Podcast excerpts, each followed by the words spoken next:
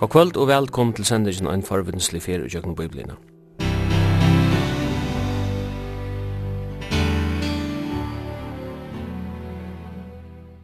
Henta sending er at høyre lindene kvart mykje kvöld klokka 19 og endersendt veri frugjöda 17 bar klokka 15.30. Og i studion er Simon Absalonsen, Jekvan Zakariasen og teknikar er Taur Arne Samuelsen. Vi er kvöld kommen fram til fyrsta brev Johannessar, Ongen ivi tidsist a vera om hver hefur skriva Johannes brøvene. Fotenkirkjan stafesti at talan var om apostelen Johannes som Jesus kallaði til læresvein saman við bachanon Jakob. Hesi bai bachanir vera stundun og evangelien og nevntir Sebedeus sinner. Johannes skriva i som kunnot æsni ötti evangelie og åpenberingsna. Ta við lesa til dømes fyrsta Johannes brev, kjenner vi stunden stuilen og båskapen fra Johannes evangelien atter.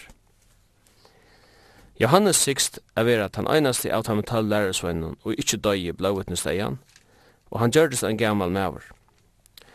Granskarar hava stafest, er brevi er skriva om ar 45 til 5, og telesetta såstad mittlen yngste skriftenar og i Nødja Testament.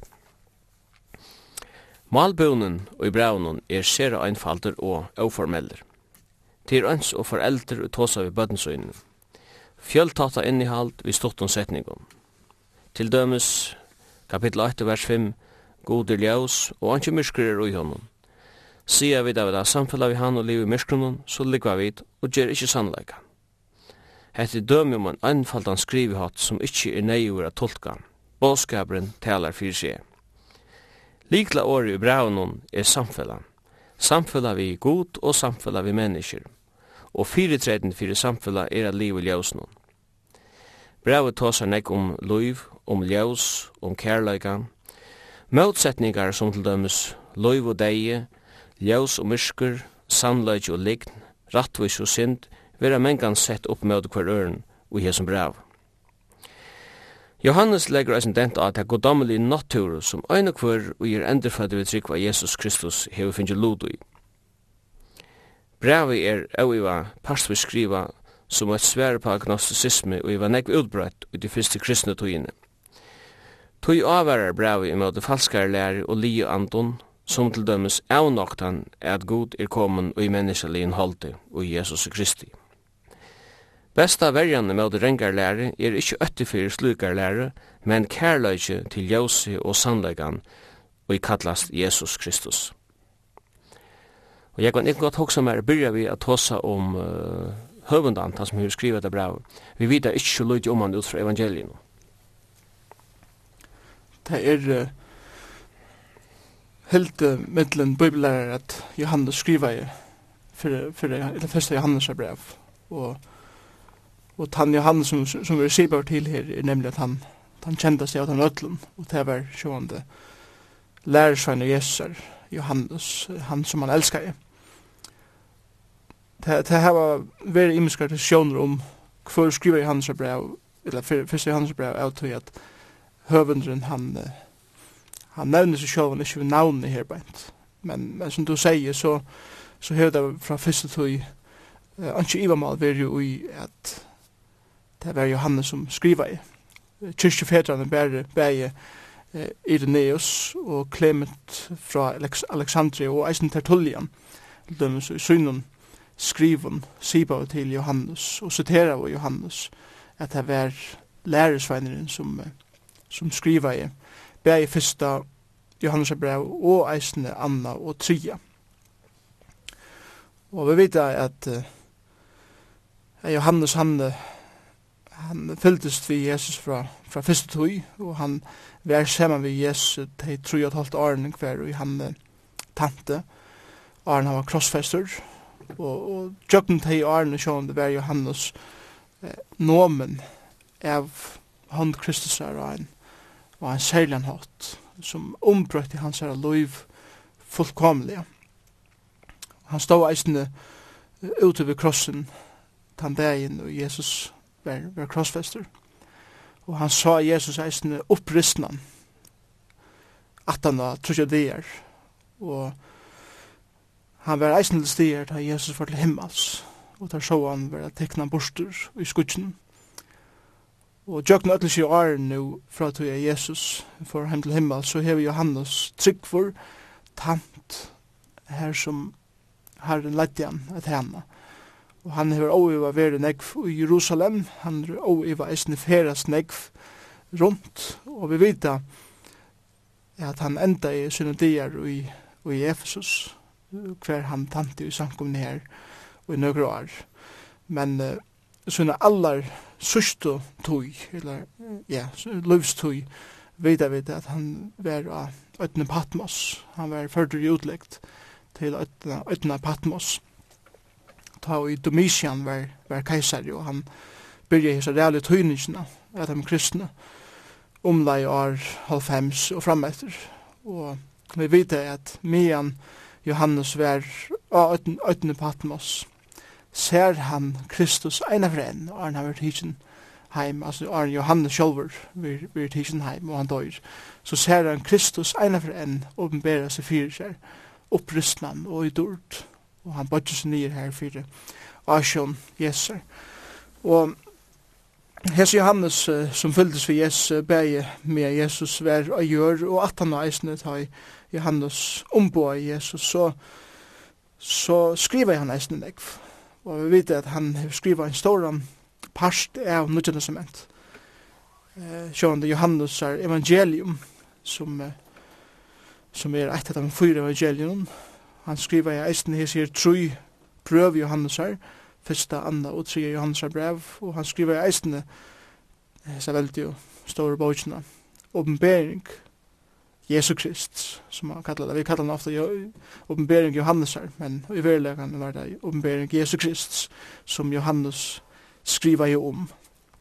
Så hese maveren som hever skriva fyrir Johannes brev, eller fyrsta Johannes brev, var eh, sin kjente lærer som Jesus. Han fylldes vi innom, han var nomen av håndgods, han var egna vittne til hvor Jesus var, han fylldes vi Jesus eh, lykka til sin dødjande det, og han er en veldig avvirskan og at det er sykvande og samkomne arbeid i, i nærvære som han fyrir i sjolver, og eisen i lærere som han fyrir i sånn samkomne og lærte i samkomne, og eisen i jøkken til som han skriva i.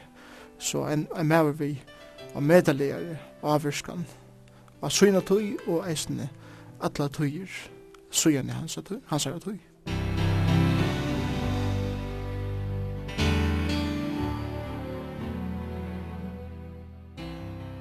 Ta vi tidsja bådskapen i Johans evangeliet og samanloknanda vi Johans brev så, så er det rettelig nek som vi kjenner atter. Da er det som loiv, Jesus er, er loiv og Or lufsin som vi tas om, sier han, det som vi nomme vi, hender okkar nu vi så vi egin okkar. Ta minner á Johannes Evangelii at vi upphava hver år året ver så god, og år god. Og man kan godt man kan godt sutja det at her her er uh, samme stoiler, forfattare stoiler som som er Johannes Evangelii. Ja, det det er ingenium der. Og til nemlig eisen er ein annen grunn for at bibellærer det sier at det er ikke ivermal om at Johannes var den samme som skriva i Johannes evangelium. Jeg tog at rent grammatist og i åra nusle og i åra vendingun og så videre er brøvene altså eller hetta brevet og så Johannes evangelium er glad luk og som du sier så så er Johannes eh, en, en høvendur som eh, då man väl att bruka motsättningar eller kontraster.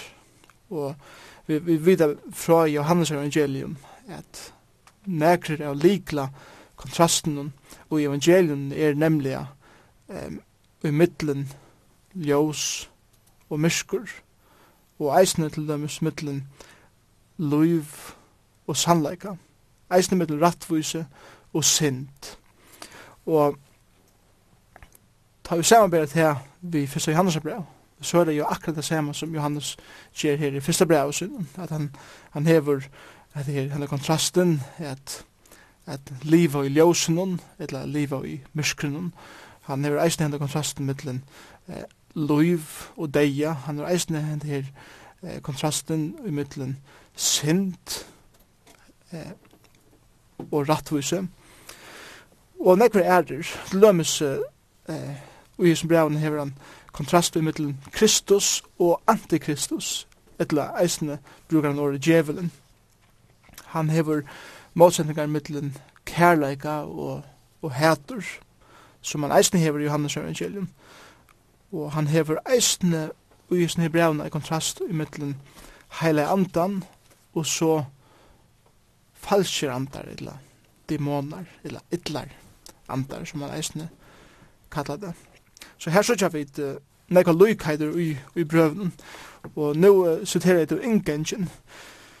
Det, var også ikke lengt tøy i middelen at Johannes skriva i evangeliet og brøvene, og kanskje heldur ikke så lengt i middelen brøvene og oppenberingsene. Og anker heldur at, at uh, bæje evangeliene, de tre brøvene og oppenberingsene var skriva i, i middelen av fors og av er 55, så vi er noen 15 år tøyarbil i her. Og tar vi tar det ikke at uh, Johannes er evangelium, så, så byrjar Johannes sjående og hendan hatt, og i opphavet hver året, og året hver tjagode, og året hver god. Så da han kommer til fyrsta brevet til så sier han, det som vær fra opphavet, det som vi har hørt, det som vi har sæv i egen okkara, det som vi skoa av og hendur okkara nomo vi, det er år løvsins vi taler om. Så, så vi sutja, eh, vi, vi sutja i hessen her versen eh, lykheitena og i åpnanina av brøvnun, men fyrsta vers kan man godt si omtaler alt det som Johannes tåsar om i ödlen evangelion, til at evangeliet vittnar nemlig at det at han var saman vi Jesus, at han fylltes vi gjennom, at han var avvurskare av det som han sier, og som han lærte, og det som han gjør det. Og til det som Johannes sier her, han, det er akkurat fyrir mer som han, som han sier det bare fullkomlig omtrand, at han har haft framgjøratten at kunne være vi til at fylltjast vi Kristus i sjálfum. Og tog sier han at, at det som vi da har hørst, og han minnest kanskje atter av alt det som Jesus lærte teir, bæge allment, men eisen i, i eina rummet. Det som vi da ser vi egin okkar, og her trykker vi han minnest atter kanskje eh, ta Jesus ombrøyte seg fjallen, eh, ta i det feras vi innom eh, tjøkkenen, Jericho, og han grøtte eh, mennesker, og han kallade tottlarar og syndarar til sin, og han var saman vid heimen. Han var saman vid heimen inn i tempelen, ta han kolvalt i ötlen her, og han korte peningavekslan her, og boren her om kottel, og, og rægta i ut og så er. Og, og kanskje er alt det her kom framfyr Johannes, som han, som han sier i sier årene, det som vi da ser vi egen okkar, det som vi sko av, og hender okkar, nå må vi. Og det som så avverst her er det at vi leser atter og atter, at Jesus næm vi mennesk, og han næm vi vi teg som han grødde, og han næm vi teg som han trøsta i. Og jeg tykker eisen det har vært tøyer hver, hver Johannes og hine lærersvenner, han kanskje har vært nye eisene, og Jesus er kommet til der, og han har lagt hendene av, av akslene som han eisen gjør det, seitene og i oppenberingsene, at han kom og lei hendene av akslene og, og gav henne mot av nødgjønn, Og så akkur som for at sier for at vi skal lukka minna av hva det er som vi tås om. Det er år løvsins vi tås om. Og her sier bare sjåan til året, det er året og i holde som er Jesus Kristus. Et annet som vi deisen sutja og i ta vi samanbera Johannes evangelium vi brev det er sjålt endamålet vi vi breven. Og enda mal vi Johannes evangeliet her vi det 20. kapittel vers 3 og 31. Her, her sier Johannes Aleis, eisen mong andre tekjen som ikkje er skrivet i hese bok, altså det er i Johannes evangelium, gjør det Jesus for egen lærersvennet søgna. Men hese, altså hese i år, er skriva i fyrir at tid skulle tryggva at Jesus er Kristus sonegods, og fyrir at tid vi at tryggva skulle hava loiv og i navnet hans her. Så endamal vi Johannes evangelium er at her vittne for jeg peika av hvor Jesus er og for at jeg skulle komme til tryggv av Jesus Kristus for at jeg kunne få loiv i hånden at jeg er et evigt loiv. Nå tar vi til at uh, fyrir, fyrsta Johannes brev så er halde jeg kurs er av likla versen, hvis ikke kanskje er likla versen sjalt, det er kapitel 5 og vers 13. Og her, sier han at dette har vi skriva til tikkara, akkurat som han gjør i evangelium. Hvor er han skriva? Fyrir at de skulle vita at de heve evet loiv tid og i tryggva av navn Guds sonar. Så her er det akkurat som han, han sier, evangeliet skriva jeg fyrir at de skulle koma til tryggva, Fyr, fyrsta brev har vi skriva fyrir at oppmuntra dig i at det er trunna som tid komo til ta det sett dig alle Kristus kunne tid kvila fullkomlig ui og tid skulle vite at tid som heva tro av Herre Jesus Kristus eh, tid heva av et liv så det er akkur som han han djever i hesten her brevnen eh, timen som han skriver til heter her at frelsan er neka som ikkje er avhongra tikkun, det er avhongra Kristus, frelsan er evig, og lærer dikkun a kvila ui til frelsene som tid er finnje, og i tjokken til trinna som Kristus. Jeg er fyrst tog eisne gav tikkun, og tid er komin inn ui eit, som tog sjolv og sier, eit av legal orden og i brøven er ui eit samfella, ui eit koinonia vi Jesus Kristus. Du nevner et, et vers 5.13 som et av ligla versen. Hette er skrivet ligger for de skulle vite. Hvis vi husker om at de har trus er at han er Jesus for til himmels er Johannes skriver etter brev. Han er sjåan dyr en, en, en månad eldre med over henne vi er ta. Og omstående er troplar til, til forfylkingar og til, til sterskare forfylkingar som fyrir fram og møtta med kristen. Det er han som sier, jeg skriver til dikkan for at de skulle vite, så er det ikke tog at jeg alltid hadde noen følelser som var vitt av Men jeg har skrivet til dem ikke for at jeg skulle gita, eller for at jeg skulle føle, men for at jeg skulle vita. Til vi gjør noen en kunnskaper som kommer ut fra tog som god til å sagt, og ikke, ikke tog som omsønner forteller oss. Ja, det er ikke nøyve om at det her. Og det er ikke være vi, vi mennesken, ja, mennesken har tidlig så leis at vi, vi grunner øyne okkara tilveru av okkara omstøver. Det er altså samme som at eh, jeg sier her følelsene i første Johannesabrevet, ta at jeg hukte at sønnen omstøven, hvert hei kanskje har mist hus og heim, det kanskje er rikt borte fra synden nærmeste og sønnen kære, og det er kanskje færre kjøkken og medelige løyingar, og, og være kjølt drypen for Kristus skuld. Da vi hukse om at dette brevet var kanskje skriva ut i tøyen til Domitian eh, vær kajsari ut til romerska rysnum og, og ter tøyningarnar og ter forfylgjengar som Domitian kajsari sendi av de kristne var nek svarare enn ter som Nero ta mitt i trusjenum sendi mot dem kristne så, så høyde det kanskje alle grunn til grunda av sånne omstøver, og eisne av tog at omstøvene var slukar, så gjerne av sånne kjensler, at god hever for simpel den venta okkur bætje, og, og det som vi kanskje eina for tro og, og det som eina for kanskje hadde sett okkar av vogn, og ser ikke ut til halda. Men så kommer Johannes ui i sin brevnen, og og han, han fer allan vegin tjokken brev, og han vist ham og kvør Kristus er, kvæta det fullkomna verki er sum Kristus er gjørt kjørsta krossen, og så sier han, eh, hette, jeg skriver alt dette til tikkara, fyrir at tid skulle vita, at tid heva, tid skulle vita, og at tid heva, Ikke bare at de skulle gita, at de møvelig hava, at de kanskje hava, at de vånande hava. Det sier han ikke. Han sier at de skulle vita, tid som har sett ikkar trygg og navn sånne godstiden og navn jeser, de skulle vite at de hava evet liv. Det er altså samme som eh, hvis man skal definera året evet, så, så kan det ikke defineras på nærkant eh, annan måte enn at det er alltid.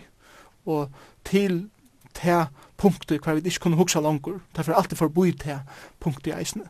Og hvordan kan nega være, hvordan kan nek være evet hvis det kan enda? Så, så, er det en, en, en motsetning og i definisjon av årene. Og, og tog er det han sier at de skulle vite om tid av sånne er kommet til trygg og Herren Jesus Kristus og av sånne er født av nudgen så skulle de vite at det er ikke omstøvende som avvirskar tekkara eh, evig og støv i Kristus, men til å vite at tid heva et evigt liv. Lær dekken grunda at han kunnskapen som du heva er kvila eisne fullkomlige og i tøy. Anker fortalkarar heva beskriva året evigt liv som nega som ut fra fromalen ikkje bæra betyr livskvantitet, altså og livslangt, men at det henviser lukka nek til livskvalitet. Ja, det er ikke evig om det. Og, og hver jeg fyrir til dømes etter året vi brukt om evet liv, eisne om evenleikan av himmelen til dømes. Eh, så, så er det et, et år som, som lyser sjående rent kronologiskt tøyer messia, nega som ongan enda hever. Men som du sier, så er det eisnega vi kvalitet a gjerra.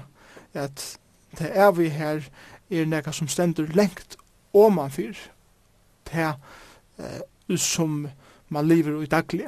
Og til, til nega som er en, en, er en nek større, uh, kan man godt si, dård, en nek større eind som gjer til at kvaliteten av er, sånn her kan ikke samanberes vi nega anna.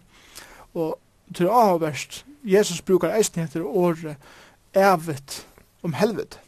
Han brukar ikke bare om liv, han brukar det ikke bare om himmelen, han brukar det eisen om deian og eisen om helvete, som vil se det samme som at helvete er et avvust sted, som for å være rent kronologisk tøyermessig og i alle ræver, men eisende kvalitetsmessig være ræveleitjen av helvete, og deian så rævligur at han sett kan samanberast vi her omstøver som mennesker er i det.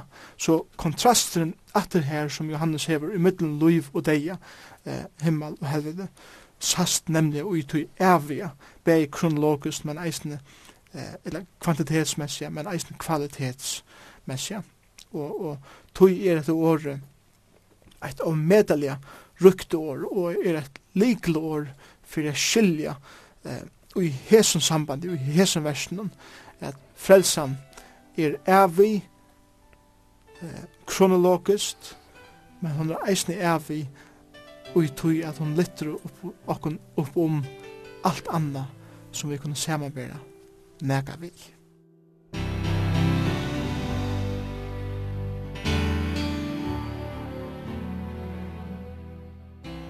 Åtta er og likle åren i 1. Johansabra det har vi langt vært inne på, til er vår samfella. Han tar tåsar tullig bra om om samfella vi mennesker, og han tar seg også om at han var samfella vi god, og hver forringar er for samfella, med landet er liv og i myskren, så er man utestånd fra samfella. Hva betyr året fellesskap eller samfella, rent teologisk? Året er, er det greske året for det greske året som vi har brukt for samfunnet er, er året koinonia. Og det er kanskje et år som er nok så kjent, det er til at anker tålagner bøkker har brukt det året, og det har brukt kanskje i nekvun imenskun eh, sambanden. Året er et heilt og medalja rukt år. Rent til logist mersi til året, eh, til innerligaste samfunnet, det innerligaste vinabandet, det eh, innerligaste, kan man godt säga, nästan tjunabandet som, eh, som ett människa kan häva vid god självan som skapare och eisen som, som frälsare. Och det, det, det är ett år som eh, lyser inte bara till att man deilen kan säga man och, och akkur som er to for sin part, for min part, men til eisen nega vi er vera saman grekvinna gjer, samfleir så, så inneligt at, at man er blivin eit saman om nega.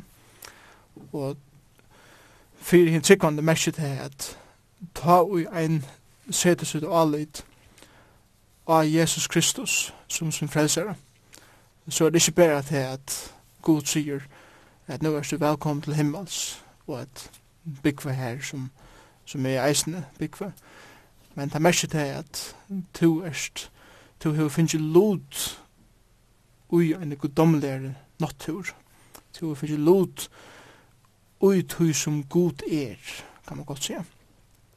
Og det merker, det merker det at god hef tidsje sunn bostad ui mer. Og, og det vet jeg at skriften lærer ekkert greit at ui tui stund et menneske seder sitt alit og Herre Jesus Kristus, så kommer god sjolver og i andasøgnen og teker bostad i, i mennesken, som, kjem, som kommer at avvirska alt menneske eh, og at han hatt. Året var brukt, året nya var eisen brukt rent eh, sosialt i middelen eh, familjebånd som var og takk nøyt. Eh, eit baden hei koinonia, eller samfella vi, vi eh, mammasøyna og papasøyna er tui at det var samme eh, hold og blå. Så, så eh, rent genetist luta vi det det samme. Men eisen rent eh, samfellasliga og, og vinarbandsliga luta vi det som måltøyer, de lot av samme bostad, de lot av eh, som trobeleger, som gleder, som sorger, de er var sjuker, så, så var hine parster alltid, de, de ein sikra i omkron, så var det eisne parster alltid sikren, og, og til, til, til, til, som året mest her, at, at vi er parster, eller parster er tog som, som som Gud er, av det som god gjer. Vi da, vi da finnes det framme at kjeratten at, at gjerast bøtten gods, og det som Johannes sier, at, at vi er, vi, vi kallas bøtten gods, og så er det akkur som han sier, og vi er det, akkur som fyrir ikke dent, da, at det, det er helt utrolig at vi kunne heva en slik samfunn vi, vi fægeren, og vi tror jo endina. Til, til han, godomlige sujan av åren køyne nya. Jeg vet, jeg finner ikke dette samfunnet vi er god. Men jeg tog, jeg vet, jeg finner ikke samfunnet vi god, så har vi eisne et samfunnet hver vi annan som tryggvand, som knyter okken saman, og en, en større hatt enn de familjebånd som det her var rent fysiskt vi okkar familie. Og for det første okkara fysiske familjebånd til gjør enda ta i liv i endar. Men okkara andalige familjebånd enda ikkje ta i liv her av folk endar, men det er fortsatt eh, og i avleikene. Og vi er jo, som Paulus sier, vi er husfolk gods, vi er blivet familie gods. Og til det som han sier her, vi har samfunnet hver vi annan, og blå Jesus er sånn hans er renser okkom fra atler sint. Det er som han sier her, at, at vi lutas hemman til innelige sak for vi gjør som eisen gjør det at ha vi heva alt saman, så, så kan jeg komme inn i middelen som er hod til at bråda det samfleie. Og tog er han sier her til blå Jesus som rensar fra allar sint, tog at ta inn ekka kjemer i middelen okkom, så er det okkar samfla vi god som gjør til at okkar samfla hver vi annan kan være opprattar eh, av nutjen atur, til at det er blå jesa som rensar, og det kan eins rensa det som er i middelen eh, menneskje. Eit som kan fåra koinonia, eller samfellet, det er nemlig at her, som han sier til i sattøren i første kapitlet, jeg sier vi at vi heva koinonia til er, at vi heva dette intima, innelige samfellet vi god, men liva i myskren, til å si det samme som han sier her, men liva eh, som vi levde det gamla liv vi har, vi kommer til trygg og inn i køyne nye eller samfunnet vi, han er Jesus Kristus, så, så, så likvar vi det. Og vi gjør ikke sannleggen. Det er si det samme som at, at vi lever i, i en følskon liv. Og om jeg har vi ho at jeg leite at til det gamla livet, hva jeg levde i, i synd, og jeg levde i munnen eh, likamlig synden og liston og gyrnt og, og hva det som skulle være. Eh, og sier samtidig, ja, men jeg har jo et, et endelig samfunn god, så sier han det svensk at at det er motsendinger som alls ikke kan standa saman, og tid likva, og tid kjer han til liknare eisene, for at vi er sier slukt, og tid er enn i, i myskrunnen. Men livet vi til ljósen, ein så han er ljósen, det er livet vi et liv som samsfer vi alt det som god er og representerer, så har vi samfunnet det er et innelig samfunn vi god. Og ta her vi eisne et samfunn hver vi annan. til at om jeg sier det er samfunn vi god, men lever vi i myskron, så har vi hverst samfunn vi god, men heldur ikke vi annan tryggvande, er at jeg liv i et liv som er eikjent av sendt, og ikke er tøy som er rett. Og, og så sier han, sier vi det vi heva ikke sendt. Så det er akkurat som han gir mun og eh, myskre og sint her korsene. Han sier ikke det at det er omøvelet at synda, at det er omøvelet at hugsa en skaiva tanka eller gjøre nekka som er skaift. Men det som han sier bare til her hertrykk vi er heldur, sier vi at vi heva eh, ikke synd, er vi eh, okkur sjolv, og sannleggen er ikke ui okkur. Det lukkar som han sier her, bant, eh, ikke halda til at vi kunne liva et fullkomlega, rent liv, hva det nesten ikke bruk for det, Kristus langer, tog jeg at det er synd. Men ta i synd kommer inn, og, og okkur skonger gale, så vet jeg til hver tid kunne færa, at få hese syndene avkreita, og det sier nutjen dørende, og til en annan likla vers, og i som brevnen, et nutje, Jotta vi synder okkara, er han trofastur og rattvisur, så han fyrirgjur okkar syndinar, og han rensar okkar fra allare åratt vise. Så Han, han akkurat som viser dere nå her, at ta og i hetta innelige samfunnet som vi har god, kan skal være bråte av einum til så kan det være opprettet av noe natt, og til nemlig at vi er koma til Jesus, gjort okkar er synd, og han skal rensa okkur, til han gonger ikkje mot sin åre, han er trofastur, og han fyrirgjøver syndene, og han rensa det, så vi kunne komme inn i det reina, innelige, samfunnet vi god, er nødgjent.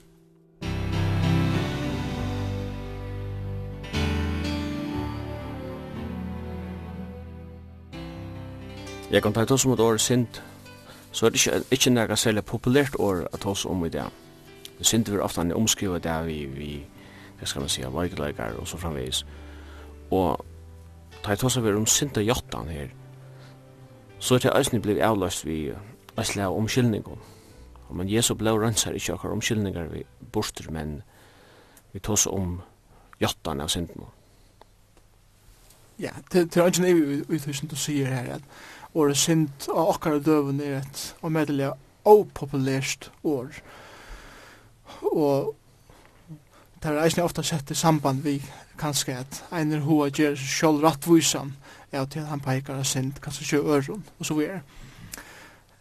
Jeg glemmer ångan denne søve som les om en katolskan eh, biskop som eh, taler til eh, til den amerikanska prayer breakfast som eh, forsøtten hever nok skrekkelig, og ta var Jimmy Carter forsøtten i, i USA, så det var, jeg halde var 1904, og hesten her biskopen var så byen om at tala til det her prayer breakfast tja forsetan og i Washington.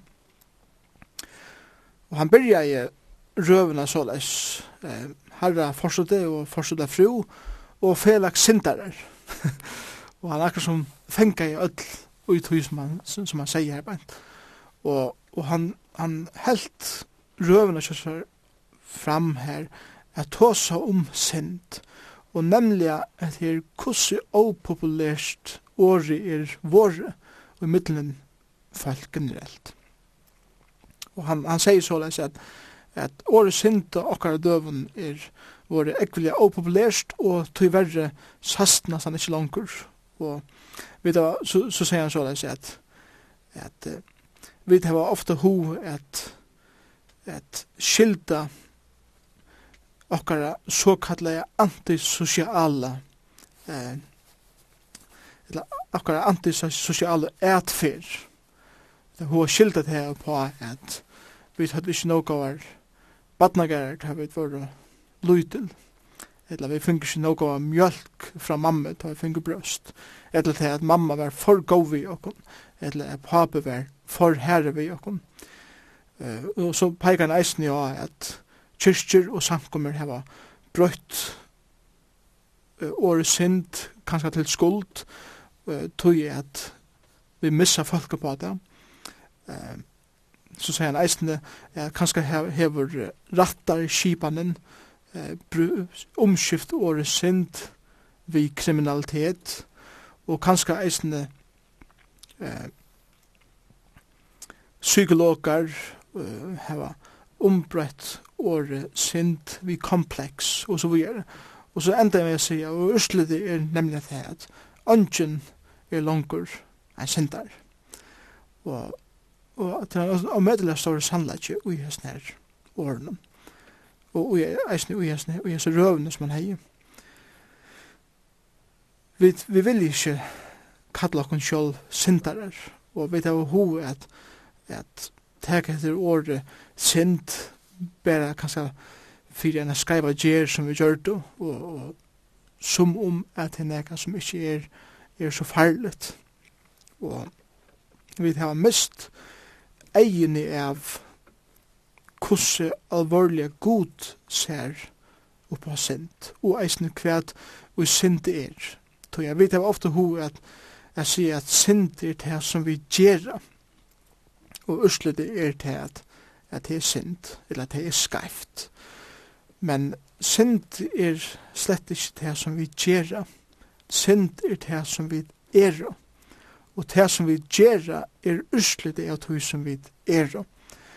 Og vi er og i Guds egen syndarar, det vil si det samme som at vi er skiten og tviten, vi er fullkomlig spilt, vi er fullkomlig råten, vi er fullkomliga i myskre, og vi er fullkomliga deg i fri asjon gods. Vi er vannheila som gjer til at god kan ikkje heva nega vi slukt a gjerra. Og ikkje berre til at god kan ikkje heva nega vi til som er vannheila gjerra, men god heter til som er vannheila, eller vannheilagt. Det er det samme som god hætar syndene og det skittene og tvittene som i menneskene er. Han heter ikkje menneskene, men han heter det som menneskene er. Og det er synden i menneskene.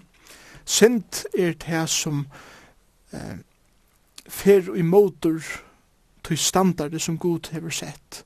Synd er det som eh, spyter Gud i egen. Synd er det som eh, vente seg imot gode, og som ikkje vil heva nega vi god a gjerra, vi ørnåren, sint er det som Satan sjolver representerar.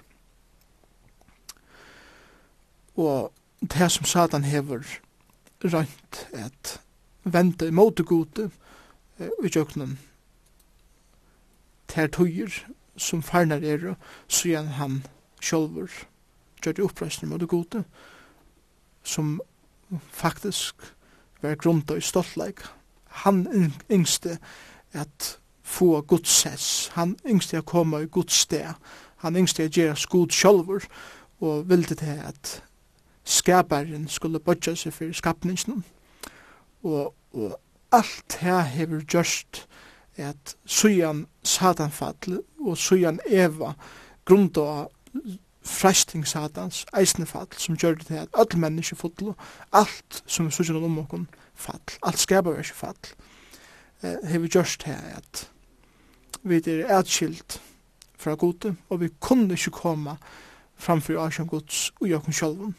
God heter det, God døme det, og God fer ein det at endelig at døme alla synd og lønnen som synden gjever i deie, og tann deien er nemlig helvete og eldsjekveren som til evige tøyer skal halda teimen som har vent seg mot gode.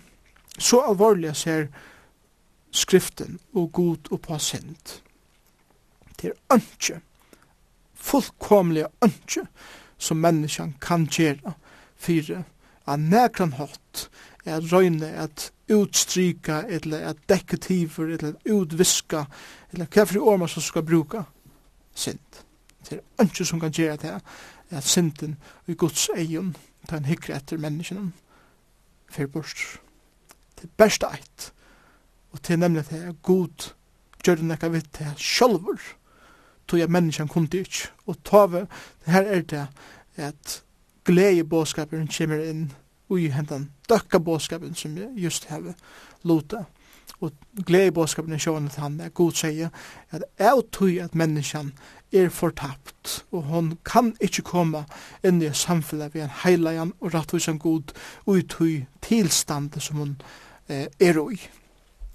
Så sier god, jeg elsker menneskene, og tog innskje jeg koma til hennara, og innskje gjerne vi synda trobeleikene, og God sjálfur kom til gjerrar, tok holdt og passe, og han gjekk allan vegin ut av krossen og let seg negla til treje her, fyrir at hans er fullkomna rattvisa og reina blov, reina luiv, reina etfer, reina år som var fullkomme og som representerar alt det som god er og god eh, stender fire tog at han vær og er god sjálfur.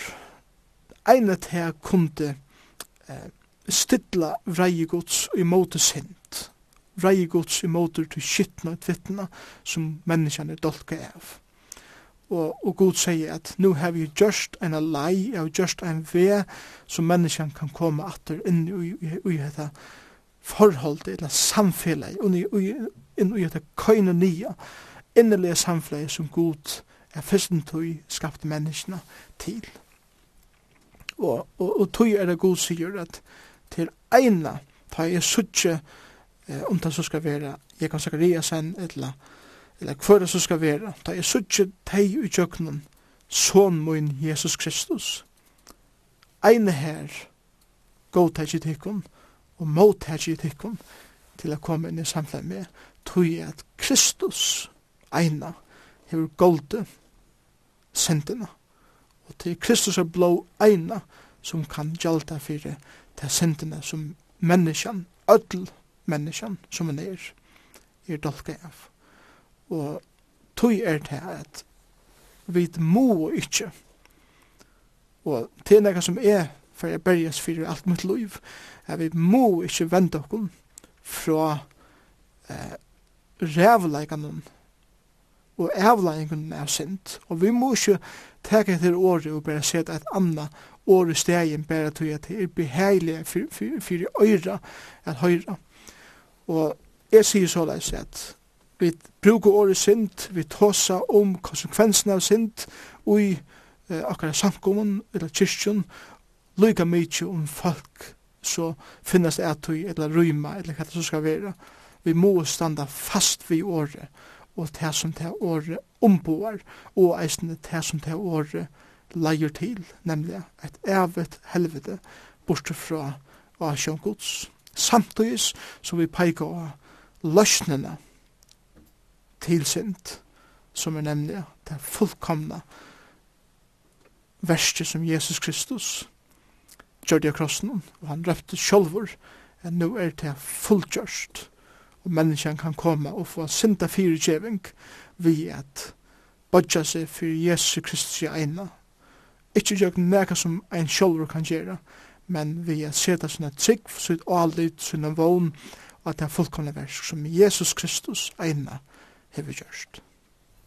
Men lukka så anstidgelig som synden er god godsein, lukka så treidaleis, og absolutt er fyrirgjevingen som menneska fær da det vender seg til god og omvender seg fra sinne sitt. Jeg husker med det her at um, da man leser brøvene, at nå Paulus er brøvene, som han skriver til imse samkommer, man ser omkant at han skriver og sier eh, til syndarnar i Korint og etter til syndarnar i Efesus. Han skriver til henne i Heilau. Og til var såleis god ser menneskene. Og man er ikke øyne vera vant til å at man ofte blir vi a sutja seg som en syndare at han er god til å rett og kjørt et menneske eller for kanskje å bruke eh, et årafedle som vi finner i Johans brev, han sier at om så hjertet okkara fordømer okkara, så er god større enn hjertet okkara. Og det kanskje betyr vi ørnåren at vi da finner fyrirkjøving fra gode, men vi da ikke fyrirkjøving okkara sjolv. Ja, det er omedelig så er det sannlega som du sier her. Og eisne et omedelig størst haft som tyverre negv tryggvandi hava om sitt bein, djøgnon, alt sitt loiv. Og til eit av største som Satan innskjur, til nemlig her at at tryggvande mennesker som er sett i fralse, som er fullkomlig fri, korsene skulle halde at de enn er trealer eh, til sinne ekne og og kanskje ikke vilja fyrirgjøre seg sjálfum. Og anker sier såleis at eh, at til nekve måter som vi kunne halda om um, til nekve måter som vi kunne hitje at okkur sjálvan på. eh, jeg kan halda eit om sjálvan og jeg kan halda hva andre halte om mig sjálvan og så er det til hva andre halte om meg men så er det eisen til som god helter om meg. Og til det som vi må komme til. Jeg skal ikke kvile til som jeg halte om meg sjálvan. Jeg skal heller ikke kvile tøy som jeg halte at andre halte om meg sjølvan. Jeg skal heller ikke kvile tøy som andre halte om meg sjølvan, men jeg skal kvile ut tøy som god helter om meg som sitt bad. Til er altså det samme som at ofta i meg sjølvan så har vi ho og hitje at, åh, Nu gjør jeg atre hatt skreift. Nu gjør jeg atre hitt gale. Nu sier jeg atre hitt skreift. Nu tog jeg atre det skreiv i avgjørna nu fattelig atro i sånne her som er rønte ikkje er fett løy, og så vi er Og ved det ho er sier, stakkas jeg er så obrukelig, og jeg kan ikke brukas til nekka som helst. Og, og, og ved kanskje ofte ho er at pakka saman. Satan, han knytter som hendene, sier jeg akkurat det som jeg vil. En annan vante i tryggvande løyven, eller løyven til tiltrykkende personen, er til at jeg halte at ånder halte nekka om meg, og er bensje for hva de andre halda om meg til å si det samme som at halte det nu at det er noe over, halte det nu at jeg du har hatt noe vel, har vi nu gjort hatt noe godt til at ferdig annars halda ikke så godt om meg og så videre. Og for det gjør til at, at, at jeg leve i en støvun menneskjøtta og i røyne er toknast menneskjøn heldur enn at toknast skote. Og at det her stendur Satan og knutser som hendene og sier at hatt er akkurat det som jeg vil heva. Så er det trea, nemlig at her, at hva andre halde om, og, og, og jeg, jeg fordømmer sjølvan ut hva som andre sier om meg, og til atter en omedelig store feiler.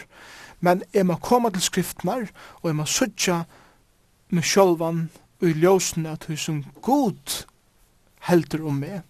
Og her kommer vi nemlig atter til hendan treita leisa, eh, kærleikan, som god hever, og det teitalese fyrirgjevingina som god hever veit menneskjon, teimen som er kommet til krossen og har bokse for Kristus. Og det er nemlig at her er, er fullkomliga fyrirgiven. Jeg finner et evigt liv. Jeg finner et nytt hjärsta. Jeg finner et nytt liv. Jeg finner et nytt sinne.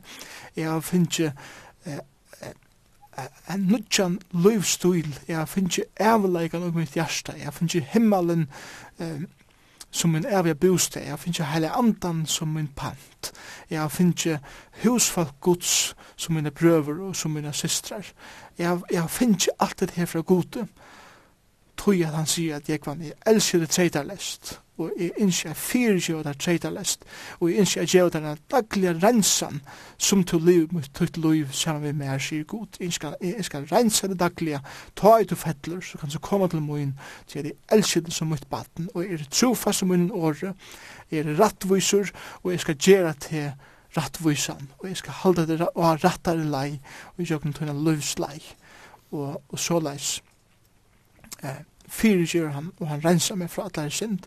Alt dette her har vi finnst i Kristus, han ser meg som, som, ut, som sutt baden, og han teker og han lustar etter mer, ta i bygge til han, ta i tåse vi han, han taler til mun i jøkken året, og, og alt dette her, ta i hugsi om alt det som jeg er i Kristus, ja, alt det som jeg eier i Kristus, så må jeg hitje etter meg selv, og jeg må si at det at, at det som jeg har finnst, Det gjør meg alle grunn til å leve mitt liv sikrande fyrir Jesus skuld og leva i munnen dagliga degi sikrande han hatt som kan heva en avvirskande menneske at hei eisne sutja Herre Jesus Kristus fyrir det han som han velja er.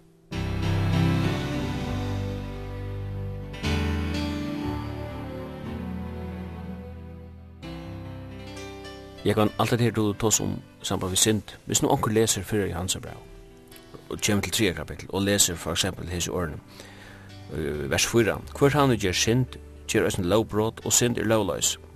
De vet at han, altså Jesus, er åpenbæra over for at han skulle teka bort syndenar, og synd er ikke ui hon.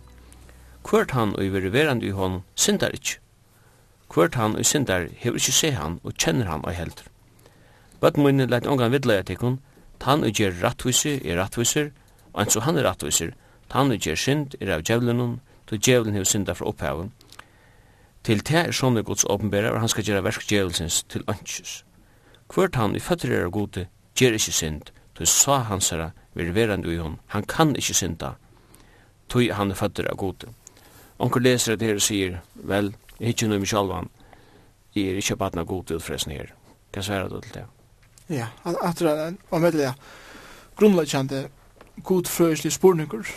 Og vi tar eisne hina syna er hans som nevnte og til nemlig at her at folk har hva sier at jeg synd ikke langer og, og synd finnes ikke løyvene sammen langer og til verre her vi et eh, ekstrema bølgar som, som har hva sier at her at vi, vi, vi kunne ikke synda. Og det er ikke synda min løyvene. Så her har vi det, kan man godt si, at tver suger, hver boar kanskje er vittlejant og skaivar. Men la meg først teka eh, det god frøyslige ujusen her.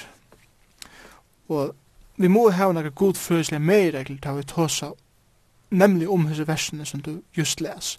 Hvis vi leser hese her versene eh, utan nega samanheng ui en bibelskar teologi, så, så kan det være egla vidlegant, tog at hetta, hetta virkar nok så, eh, kan man godt sia, skarst uppsett. Hvis jeg tar ikke bare det her, og jeg tar ikke det ur samanhengi og ser det for seg sjalt, så må min nye så vera, eh, det er ungen sint og i mer, om jeg er godt spatt. Om det er synder mer, så er jeg ikke godt spatt. Så, så, må, så må jeg si, ok, la meg nå se det samband vi det som Bibelen sier om synd, om rattvise og om dom og så videre. Så, så må jeg se man samanbæra dette her vi ånders skriftstø som taler eh, om synd Fyrst, det fyrsta som vi gjør, nu tar vi det i tre kapitlet i fyrsta Johannes brevet, så må jeg se det her i samband, eller i ljósi av, ok, hva sier nu fyrsta Johannes brev om synd? Og jeg lest tre kapittel, og jeg minner meg sjåa nå, ja, men jeg les eisne i fyrsta kapitlet om synd. Og, og, og her sier han, og i åttende døren, i første kapitlet, sier vi at vi har ikke sint, så tar vi det okken sjolv, og sannleggen er ikke ui okken. Ja, men altså, i tre kapitel sier han at vi har ikke sint, og i første kapitel sier han, sier vi at vi ikke har sint, så lykka vi det. Og så sier han at vi døren, i første kapitlet, Jotta vi synder okkar. Ja, men altså, i tre kapitel sier vi at hava ikkje synd, hvordan kan så hava nekka synd, er at jotta. Så, så, eh, motsier Johannes og Sjalvon, Og ei mer regla i bibeltolkan er eh, God er god, han veit alt, han er utan nekran feil, tui er det ønsken feil heldur i åre gods. Så det helst er det samme som at feileren er ikkje ui tui at Johannes motsier seg sjálf, han etle at fyrsta Johannes brev motsier seg sjálf, til okkurs ui munni huksan som er man får på plås. Så, jeg har ikke synd, sier Johannes, og han sier eisne, om vi sier at jeg ikke hever synd, så lykker vi. og jeg tror at jeg hever synd, så kan jeg komme og gjøre mine synd, og jeg kan få en fyrkynna, inntil laste for jeg synte, så jeg kan komme atter og få mine synd fyrkynna. Ok, så, så sier det her, ok, Johan, først Johannes brev tåsar faktisk her om og om tver suger, kan man godt sige, av munnen løyve og i ljósen av hva sindi er. Så gjerne kan, kan jeg teka det langer sier, ok, hva sier så resten av Nudja testamentet? Om sint og om fyrirgiving og om et rattvist liv. Og da jeg vil lesa hva, hva Paulus sier så, så, så vet jeg at han, han tåsar eglan nekv om at leva rattvist liv, at leva rein liv, men han tåsar eisne om at vende vi fra tikkara sint, vende vi fra tikkara avgoda diskan, tikkara siløyse, tikkara løyve, som hur hu ei kjennas av tog som du gjør det årende var tryggvand, så vi er. Og så lest kan jeg færa og bakka alla vegin, lykka ut av gamla sementi og suttje her, hos hei koma eisne og finka synda fyrirgjeving, atur, atur, atur. Så, mui nye støva, tog, og gjennom bøybeskare godfrøy i er ham, at det må være tver søyer av synd som Johannes tåsar om her beint. Og, og det er nemlig at her, da jeg kommer så til 3. kapittel, og, og vi leser seg versene, at hvert han gjør synd, eh, gjør eisen lovbrot, og synd er lovløse, og han gjør synd er av djevelen noen, sier han, og han sier at hvert han er født av god, gjør ikke synd, og så videre. Tog vil jeg sier, bare for jeg sverre, hans nir helt stort. Jeg tykker vi skulle gjøre mon og møveleikene at synda, men jeg vender vi fra tog, og så gjerne heter jeg velja at synda, og ikke vilja vender vi fra syndene. Så jeg husker om vana synd, om, om er det godsbaden, og det kommer et eller annet inn mot liv som gjør det at etter synd. Er en fyrirgiven syndare. Og, og til området jeg skilja det, er en fyrirgiven syndare. Da jeg sett med alle av Jesus Kristus. Potensialet for synd er stadig her. Og ta ui ein bum, ein tanke kommer opp i, i mot sinne, som er en skreive tanke, så er det et ørstel av tog at det er en syndar. Og, og ta er det at først av fyrsta kapittel vers 9 kommer inn og sier at jeg eier at gjort disse syndene. Jeg eier ferdig til god og sier god. Rensa meg. Og, og Luther sier det aller best. Uh, han sier så det at vi kunne ikke få en fugle at, at uh, skvette i høyde av et eller flikva i høyde av men vi kunne få en bytja reier av høyde av. Og til nemlig at her, jeg kan ikke, jeg kan ikke fåra ein eller øren å komme fram fyrir meg. Jeg kan ikke knapplega bare eh, styra nøkron som er, som er suttje. Lømmes, hvis jeg er suttje et eller annet som kan vætja en, en skreivan tanke i mer. Jeg kan ikke gjøre vitt i at det som jeg sa var akkurat her da jeg sa det, men jeg kan velge jeg vende egnet bort fra det, og jeg kan velge eisne ikke at hitje er for etter det. Og jeg kan komme til god og be han hjelpe meg, at ikke at jeg synda. Men om jeg sier, hva skal jeg, jeg legger ikke pett jo i om jeg synda, og jeg vil ho til at gjøre det som jeg ho til at gjøre, og eh, jeg vil ho av livet i min liston, og jeg vil ho at snuit og bedrya, og jeg, jeg, jeg velger å gjøre det her, men ok, jeg har en forhold til god. Ta det Johannes sier, to er det spurnar tegin om tutt som er gode, om du verli er et baden gods, om du truvist uisint, om du veler a liva uisint. Og man har ofta brukt myndina om et, et lamp og om en grus. Et lamp som detter og en av veit, gjer alt hva det kan for å være bjarga ur hessen runedøysnum, og, og det vil være rent. Men du kan godt heka en grus, og du kan polere noen som som du vil, og du kan, du kan binda en sløyf i møtjanen, og, og, og sier vi han, er noe regner og nastur. Men det første som han gjør, det er han vil lete leser i det, han løyper i rundt og ikke, han er nødgjøn, tog jeg til hans er nattur. Men lampe hever til natturen at det innskja vera rent. Somleis er det vi til tryggvand. Ein som er fatter av nødgjøn, ein som hever finnst bostad gods og især, han eier og fer ikkje at tryvast og i vana sint. Og han fer ikkje at, at velje at liva et, et liv og i sint. Og, og til det som Johannes sier her beint. Men til at ein er en sikvant, ein fyrirgivin sindar, og stadvak hever til gamle naturen og yser, han fer a komme ut fyrir at ein skreivet tanke fer a komme, eller ein, eh, et skreft år kom ein med munne, etla at ein skreiv avkjør vær tidsin, etla at jeg særte ein eller annan. Men ta eier han naturliga reaksjonen tja ein et sykvan er at han at jeg innskja be om fyrirgjeving om det som jeg har gjørst.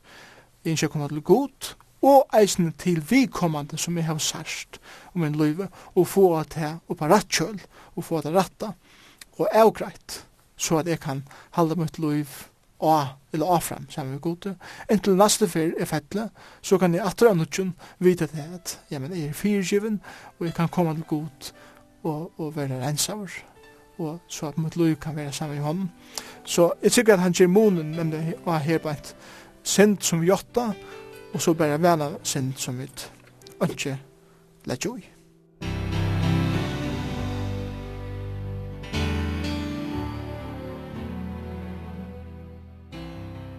til å si at et årafettel som heter her er at tann i føtter er gode synder ikke. Det kan vi kanskje se med noen vi sier at tre søkker ikke. Sjåan kan tre færa nir under vatten hvis du tykker hånden og truster den nir. Men uh, naturen vil alltid, eller naturen i trening, så sett, det søger alltid opp etter til EU-flaten. Så ser vi at det som betyr som er fætta god. Og det du nevner det samme vi sind, minne med syndrom rombra vi tjei, det er Paulus tål som vet her, at gjerri det som jeg ikke vil, så er det ikke jeg som gjør det, men synden som uimer bor.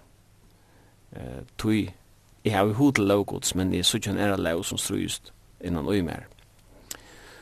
Og vi vet ikke det tui er at uh, onker kanskje sier, ja, men jeg er syndesleis, jeg kan omgang det synda, så er det også et bedre som du er inne på. Og i Salomon leser vi at uh, i halte David sier, Herre, um, fyrir kjum at han løgnelig synder, og han sier det samme vi at hver er verre vi, hvordan ofte han er han fettelig. Så det, det ligger øyne sjølvbedre, og jeg sier at det er man ikke er synd. Så vel ni at, at her er, så kommer vi på plass. Jeg kan ikke nok som er spørst om oppbøyde av første Johansa brev i Stortum, hvordan bøyde du brev opp? Ja, det er jo, som jeg tror at du sier, i mye måter at bøyde brev opp på. Ja Ta jeg bøyde brevet opp, ta jeg selv nyer at, at lese et, et brev eller en bok i skriften, så hittir jeg alltid etter hva det endamålet vi er her, og hvordan kan det så rent um, systematisk være oppbytt. For det første tås om endamål, så, så tykker vi at et av høves endamalen i første Johannesbrevet er at vissa det er tryggvande om tæra frelse. Det tykker vi er, er eit av, av høvus endamalen. Og så, så er spurningar kusse kusse vissa man ein om eh, sanna frelse. Og, og her bøyde jeg heit er endamal oppi tjei parstar. Så nu tås av fyrst som endamal. Så ikke tjei parstar av hos endamalen om at vissa ein om at han er evige frelster.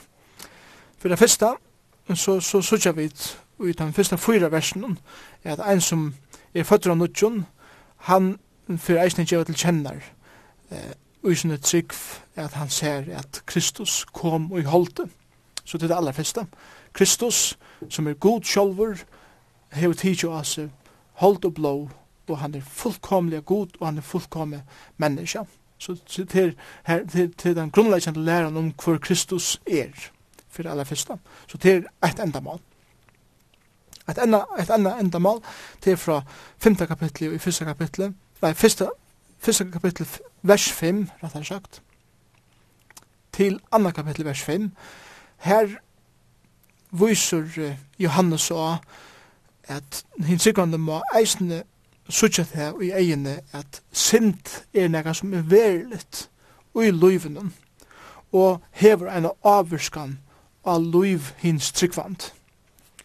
Så det er andre endamal. Det er tre endamal som vi sutja fra øren kapitlet vers 6-11 og eisen i 3 kapitlet fra vers 13-24 og 4 kapitlet fra vers 6-21 det er at elska brørner så nasta kærleggen Jeg tror det finnes finner kærleik fra gode, så må jeg eisen ha kærleik til min nasta. Så brover kærleik er det tredje endamål, som han ønsker å vise av i sin braun. Det fjorda endamålet, som er, som er suttje i kapittel 2, fra vers 12 til 16, det er at her at halda seg ådolka igjen av heimen. Vi lever i en heime som er dolka av sint, og vi skal leve i noen, men vi skal ikke halda okkur eh, saman vi innom, det er at vi skulle eh, halda okkur fra til dolking, og her hukse sjåan det om moralska dolking som, som heimeren eh, kan heva, og hei trygg vant. Fymta enda malen, det er så i kapittel 2, fra vers 18 til 29, og eisen i kapittel 4, vers 1 til 6. Og det er avværingen som er givet til tryggvande er skilja månen av sannare og falskare lære. Og til, til en stor pastor av første Johannesbrevet tåsar om vandan av følskonlæreren som er kommet inn i samkommunar. Det satte endamålet, det er i kapittel 3 fra vers 1 til 12, og det er ljósen av synd, det er at stevne etter at liva et rattvust og rent liv saman med god. Og så gjerne det kjente endamalet, som er fra kapittel 5, fra vers 1 til 12. Og det er at utliva, kan man godt sija, sanna trygg. Tog at, og i versen tåsar om, tåsar om at tryggven som vi heva hever sikra heimen. Så at liva sitt liv, sitt truar liv sikrand til, til endamålet tjanen. Så til, til det skjer endamålet vi fyrsta Johannes brev. Ta i bøyde brev upp rent systematiskt, så er det tvær måter at bøyde brev upp på. Den fyrre måten er hesen, vi tar en engang og vi tar den første, første fyra ørnen i hesen i brevnen. Og til at har vi lyse, og til at heller om hver i Kristus er, at han er kommen, og han har tidsi bostad i mittel Og Og endamålet vi tog er nemlig at han er gleden, og i Kristus kan være fullkommen, og det kan liva sitt liv i glede. Så gjerne eh, vil jeg sagt som første høves iveskrift, kallar jeg for sannleikjen setter ui sitt ratta ljós, og det er fra kapitel 1, vers 5 til kapittel 2 og til vers 16. Og her er det akkur som, som Johannes viser og anmerker eh, mer ekkel fyrir hva det sannleisen er, som han nu fyrirreikar at avvara imot falskon læreren. Og han tåsar om hva det er i Kristus, hva eh, moner av deg og dejan og er, hva det er mestur at livet i sannleikan, hva det er mestur hva rattvise mestur, hva det mestur at koma til god, få sånne synd fyrtjuna, hver Kristus er, at han er fullkommen menneska, fullkommen god, fullkomlig heilavur, fullkomlig rattvisur, avgjur, og så videre.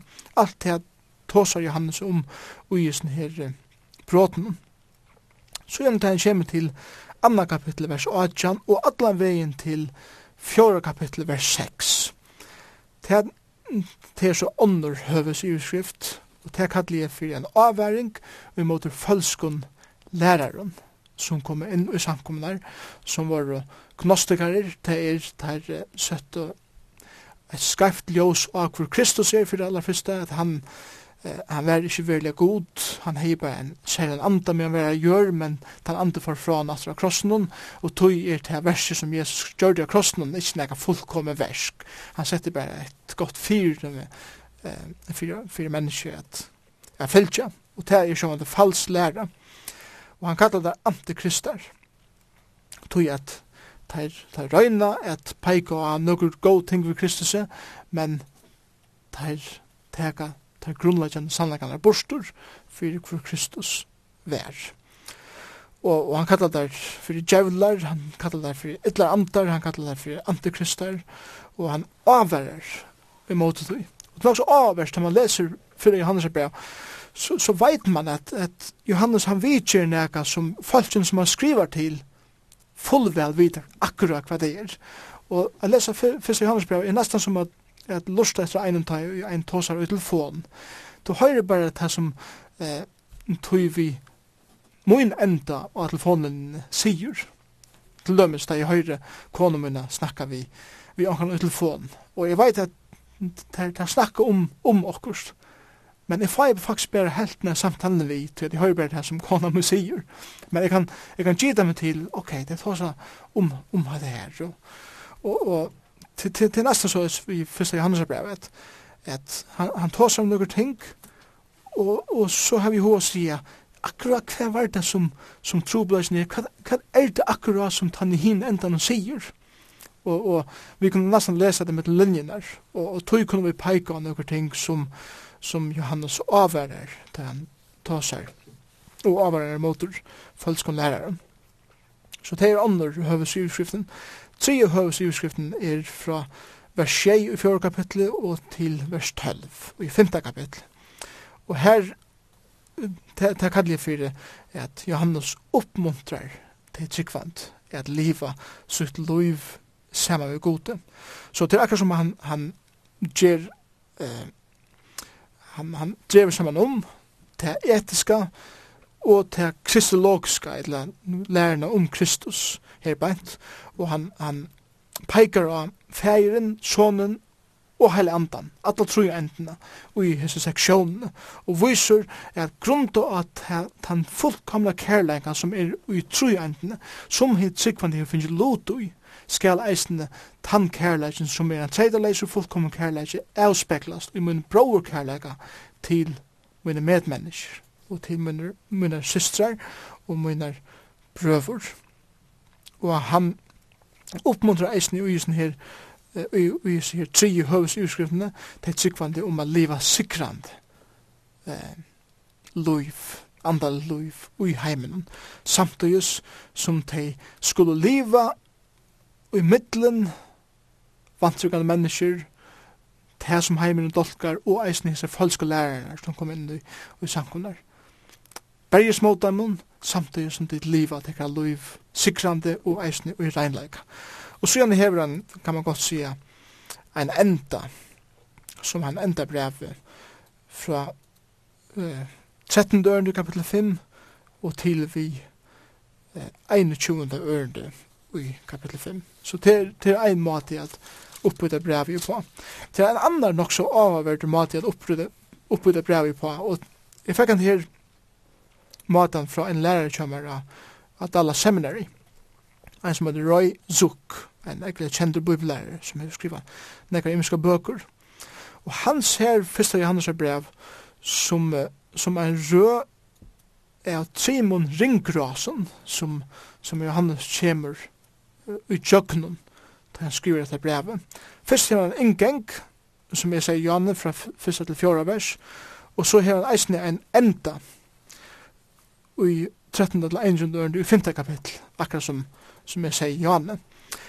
Men så hever han trutjar høves utskrifter som han kallar fyrir fyrste ringgras, ære ringgras og tri ringgras, som alla trutjar hever trutjar under i utskrifter, som alla er det samme. Så tals er det samme som fyrste ringgras er fra kapittel 1, vers 5 til kapittel 2, vers 28. Det første som jeg kjenner til ringgrasene, er til at han oppmuntrer til tryggvandet til at livet et rattvust liv, som er fra kapitel 1, vers 5 til kapitel 2, vers 6. Så gjerne, fra kapitel 2, vers 6 til vers 16, oppmuntrer han prover kærleika. Og så gjerne den tredje under iverskriften, fra vers 18 i kapitel 2 til eh, vers 28, og det er ein sannleik om hvor Kristus er. Sjøna kommer vi til ære ringras fra kapittel 2, vers 22, og til kapittel 4 og vers 6, så den største ringgrasen. Atter herbeint, oppmuntring til at leva rattvist loiv fra 2.29 til 3.20, så gjerne under, under iverskriften herbeint, Brower kærleikje fra 3.11 til vers 24, og så igjen i atter en sannleikje om hvor Kristus er fra kapitel 4, 1-6. Så igjen i tida ringgrasen fra kapitel 4, vers 6 til 5-12, så igjen her atter fyrsta underiverskriften, Brower kærleikje fra 4, 6 til 21, så igjen at i det rettere snakket med lukka vise av månen her bænt. Her byrjar vi bror Uh, fra 4 tjej til 21, så gjerne at leva rattvist fra, fra 5, 1 til 5, og så gjerne en sannleik om hvor Kristus er fra 5, 6 til 12. Så trutja ringgraser her bænt, som viser rattvist liv, bra og kærleika og en sannleik om hvor Kristus er.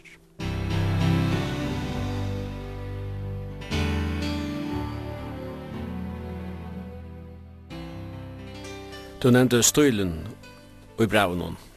Ja, det var som å høre en snakke telefon, kan det bare hørte annan parten. Hvis man uh, leser Johans brev og ser at det er som telegramstøyler, alle veien i kjøkkenen, så kan det minne meg av uh, foreldre og alle bøttene. Man smadranger for å spille, og mamma sier vi han, uh, minst til det er kaldt ute, og, og sier fri at her var jakkan knappa igjen, og han setter bilen og, og så framvegis. Så les virker studien ofta.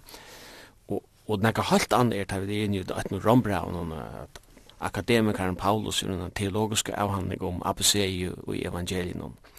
Hetta sier bara hvordan rukt Guds år er. Ja, det er ingen om det. Og til det som, som eisen gjer eh, året så rukt, nemlig at det er god brukt så av medlemmer imiskar personsmennesker at skrive år som eh, som sjåan det heile anden er han som iverstod i ödlun for at det skulle fullkomlig samsvære.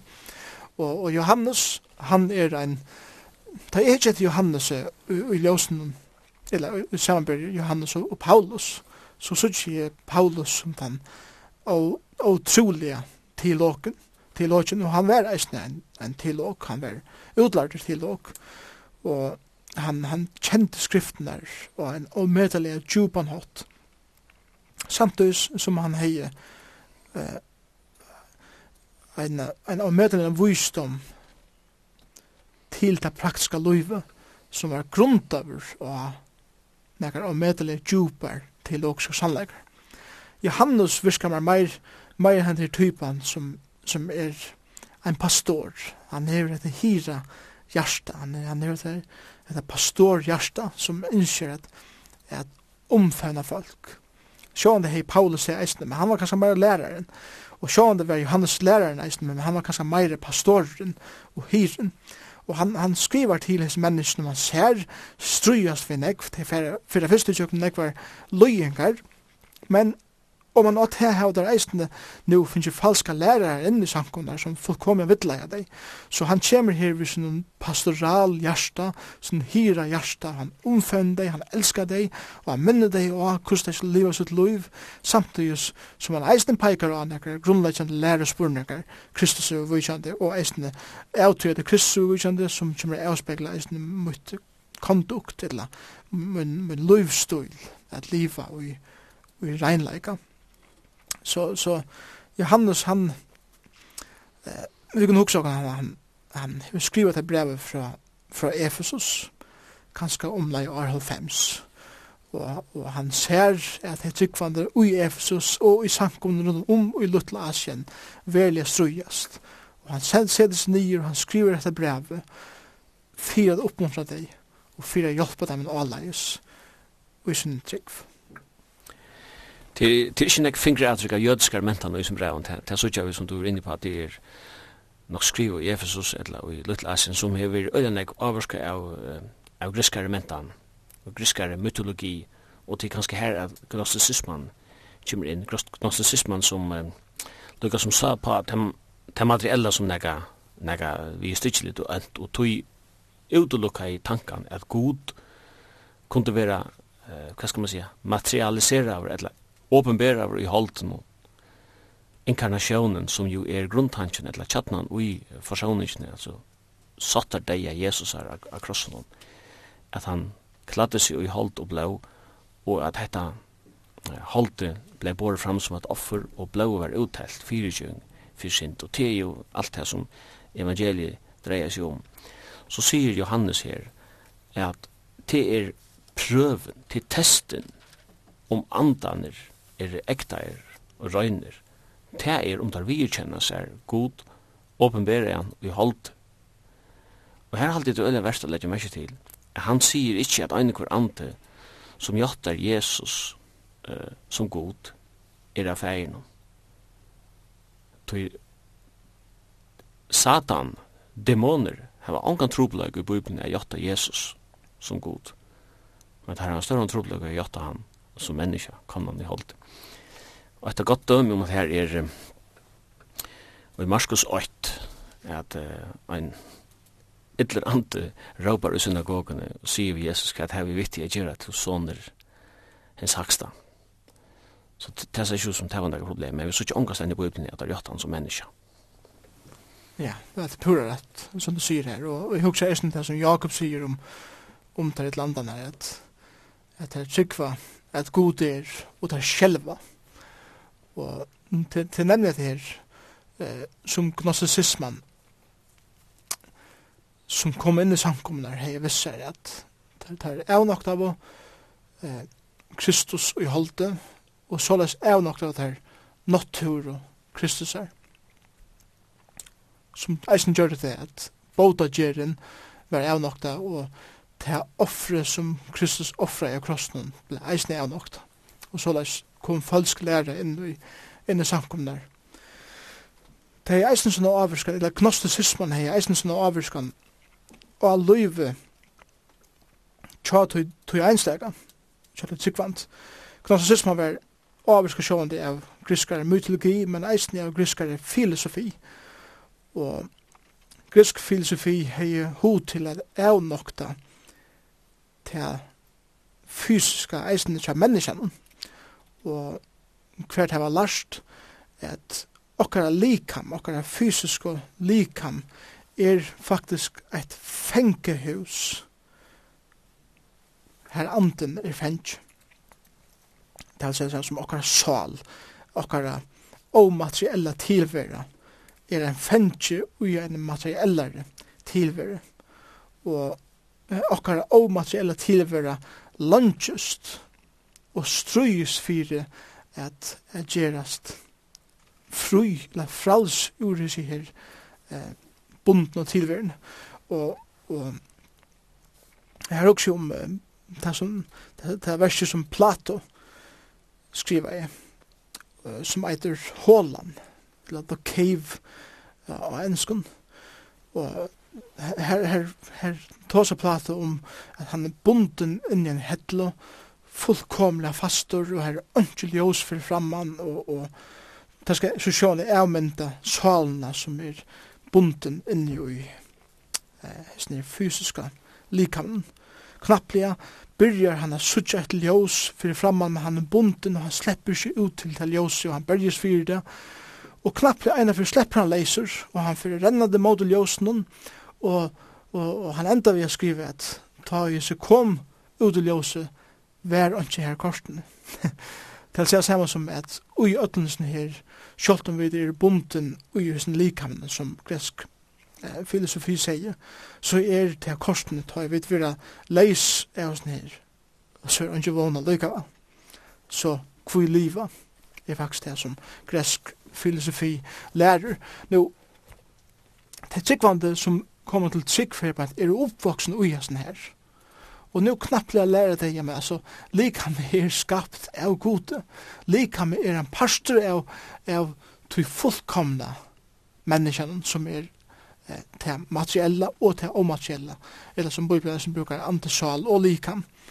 Og, og det måtte en grunnleggjande læra til fyrir at få det her skilja at Kristus har eist skapt tikka likam til tikkene at liva og, og at bruka til rattvise som god innskjøtt til å bruka det til.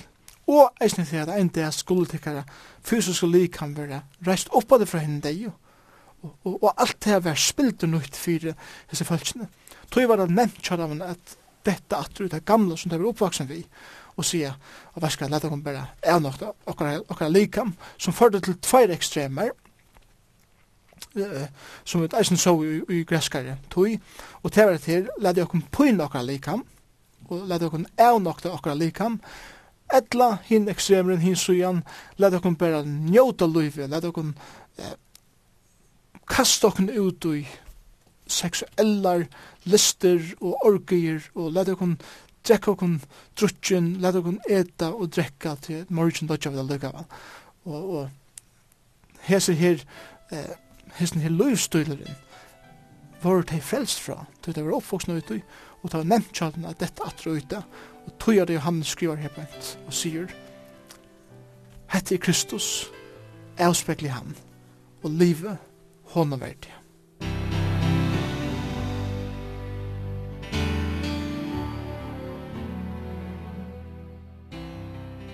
Jeg kommer vite av nettet her at brevet hever stotta setningar, telegramstil, han, han vitjer eitt evne, og kanskje han tvei tro i vers, så får han i lokkers anna, og så framvis, det kan ofta han virka her man hengar å lesa. Men vi leser det som en bådskap fra hjertan. Uh, og i allar sørsta versen her i braunen, her er det akkurat som æsni at han, hva skal man si, skjøyder flokk. Knapplig er det sørste verset her, og det er og kontant, og ser ikke ut til å ha nekra bøgnløs vi, vi uh, sammanhengt ikke gjør. Her stender bare, bøtten møyne, være tikkun fyrir avgodnum. Punktum. Ja, brev virkar ølja endales, kan man godt sige. Og til, til, til næsten så er det at han han måtte skunda seg, han måtte bare lukka skriva til det og så ber for å få brev i sted. Uh, til, til ønsken beinnes forklaring hvor han endar akkurat så, og, og jeg skal heller ikke være røyne for å gjeva akkurat forklaring som uh, bare for å gjøre en forklaring. Han enda simpelthen enda lest, og det, det er ikke nye med det. Bøtt Bøttmunnen være til kun fire avgoden, og det er nemlig som du henne mynden telegramstøyl, eller at man høyre bare annan uh, i telefonen, man høyre ikke det som hinn sier i hinn endan, eller, eller det som han er ferdig i kjøkkenen. Men jeg tykker at, at uh, det har vært en eller annen trobleik i midten av tryggvandet her bænt. Uh, om det er okkur som de har hva at halda seg ui som de ikke vilja sleppa. Jeg mener vi verdikken fyrir avgåten er faktisk, uh, han enda faktisk vi øren boi, god sier til slik ikke gjerra det nekka skormynd, eller idoler og så videre. Og til akkur som han mynda, mynda jo, mynda til de boiene som er grunnleggjene for løyve. Lad ikkje nekar, nekar idoler, etla. Lad ikkje nekar anna komme inn som tid til å hoa seta fram om Jesus Kristus. Om det så er personligheter, eller om det er til sjolv, eller om det er tøy, eller om det er til tikkara okner, eller hva det så er. Lad det ikkje eh, være til tikkara prioritet i løvnen, men set Kristus fest. Tøy at vers i åren, her sier han, og vi vet at Guds soner er kommet, og han, og han har givet okkon vit til å kjenne hitt sanna. Og vit er jo ui hinn sanna, ui sinne hans herre, Jesu Krist. Hesen er hinn sanne god og evigt løyv. Og så ender han å si, og verden fra god, det som han sier, prioriterer at minnes til at Kristus, han er, han er det primære. Han er han som er hin fyrste og hin syste. Han er hin evige. Ikke lede nega anna til tøymelige og tikkar omsorgan, eller tikkar storan, eller hva det som skal være, koma fram om det. Men let, let det her være sett i skuggan av hvor Kristus er, og så det fyrir det ikke at, at gerast en avgodur. Jeg tykker vi ikke at Johannes skipar endelig til her at de hadde vent Kristus og Bætje og de lov og, og bukka oss i fire skorgoden og, og avgoden at han hatt. Men jeg tykker det er mer enn en, en, en broerlig, kærleksfull åheitan om at prioritera rætt. At ræfesta god og Jesus Kristus først ut her av livet og så gjerne. Det er alt hitt standa i skuggan av kvør i hisne sanne, god er, soneren, Jesus Kristus.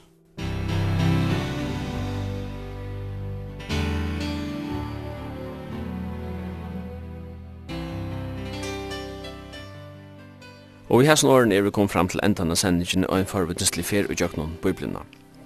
Jeg skal si fra at sendingen er at høyra kvart mykje kvöld klokka 19 og vi er frugget av 17 klokka 15.30. Og i studion var Simon Absalonsen, Jekvan Zakariasen og teknikere var Tor Arne Samuelsen.